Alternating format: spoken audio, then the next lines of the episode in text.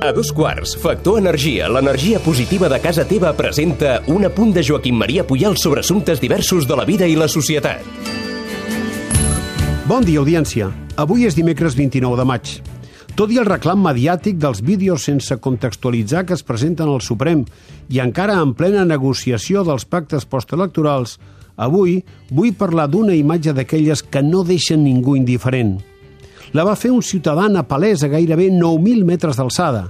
S'hi veu el tram final del cim de l'Everest, però el que crida l'atenció és una llarguíssima cua de més de 200 persones que esperen que els arribi el moment, el torn, de coronar el cim més alt del món. Si han de jutjar per la foto, és una evidència que per pujar a l'Everest cal fer una cua més llarga que la que fas per facturar una maleta a l'aeroport. La nota de premsa explica també que la setmana passada, en només 3 dies, un escalador americà va caure i es va matar perquè va perdre l'equilibri mentre feia fotos.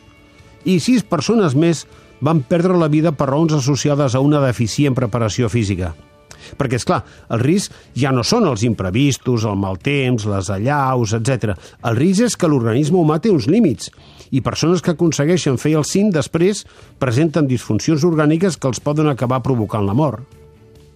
Algun oient es deu preguntar com pot ser que algú s'atreveixi a l'Everest sense tenir l'experiència que cal. La resposta és senzilla. Anar a l'Everest és un negoci. I aquest negoci s'anuncia com un objectiu turístic més. L'únic problema són els diners. Per la resta, tenint una determinada condició física de base, no cal amoïnar-s'hi gaire. L'oxigen embotellat, les cordes fixades i la possibilitat de contractar dos o tres xerpes per tu sol han fet de l'Everest un destí turístic. Per posar un exemple, el camp base del costat nepalès és, segons expliquen les cròniques, una mena de càmping on poden arribar a haver-hi gairebé 2.000 persones entre les que volen escalar les muntanyes i les que ofereixen serveis de tota mena. És un bon negoci pel govern del Nepal que cobra milers de dòlars per autoritzar les expedicions i per a tots els que fan d'intermediaris en aquesta fita venuda com a personal experience. Quin motiu tenen les persones per apuntar-se a una iniciativa tan insòlita i perillosa? Esnovisme, temeritat, exotisme, exclusivitat, avorriment, necessitat d'autoafirmació?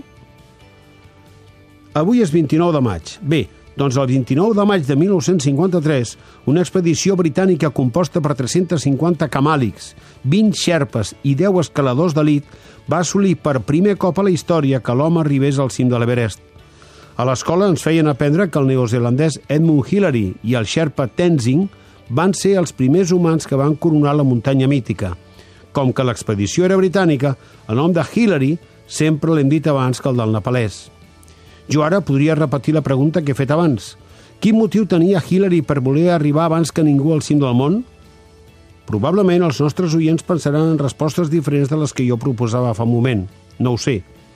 El que sí sé, perquè ho he llegit, és com contesta les crítiques que rep el fundador de la companyia que organitza aquestes escalades a raó de 70.000 dòlars per expedició de sis persones.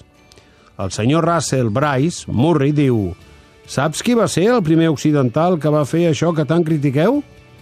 Sir Edmund Hillary. La mirada d'en Puyal és una exclusiva de Factor Energia. En Manu, el Minimans, manis pels amics, no, ha contractat la llum a Factor Energia i no, s'estalvia un 12,5%. Manu, contracteu tots la llum. A factorenergia.cat i no farem més anuncis. Per fi hi ha una altra llum. Factor Energia. Empresa col·laboradora amb la Barcelona Equestrian Challenge.